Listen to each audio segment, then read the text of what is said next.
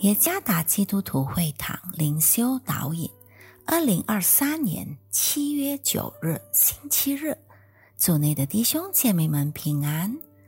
今天的灵修导引，我们将会借着圣经诗篇三十七篇二十三和二十四节来思想今天的主题：失脚的被搀扶。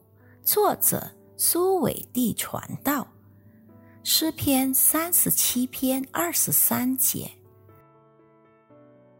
一人的脚步被耶和华立定，他的道路耶和华也喜爱。他虽失脚，也不知全身扑倒，因为耶和华用手搀扶他，或意搀扶他的手。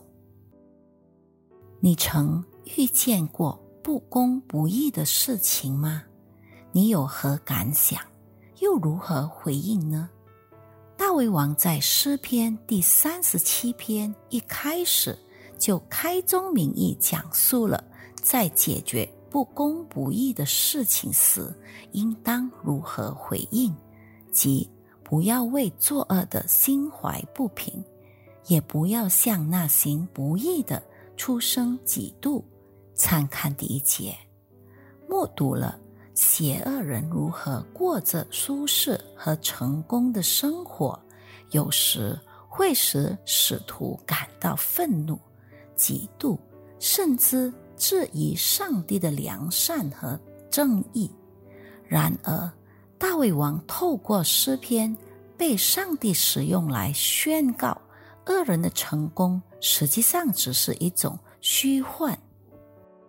信徒根本就无法避免这个堕落世界上各种世俗性问题的影响。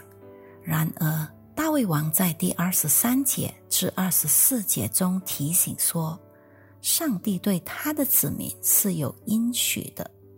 第二十三节记载说，一人的脚步被上帝立定，他的道路上帝也喜爱。立定这一词在原文的语境中，犹如将军一样引导或者命令他的下属。另一方面，原文上下文中的“一人”一词，实际上并没有好或者喜爱的含义。“giver” 这一词可以解释为一名战士。基于此。我们越来越坚定的看到上帝引导人的脚步，犹如将军命令或引导他手下的战士一样。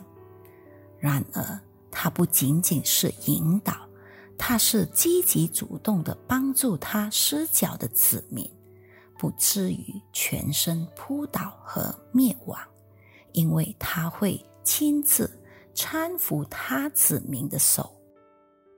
跟随上帝神所引导的子民，也免不了面对这个世界所有的艰难困苦和不公不义。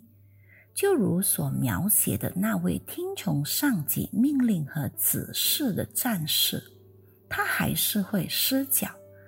但上帝的应许，即使他的子民面临着困难和不公，以及各种的苦难。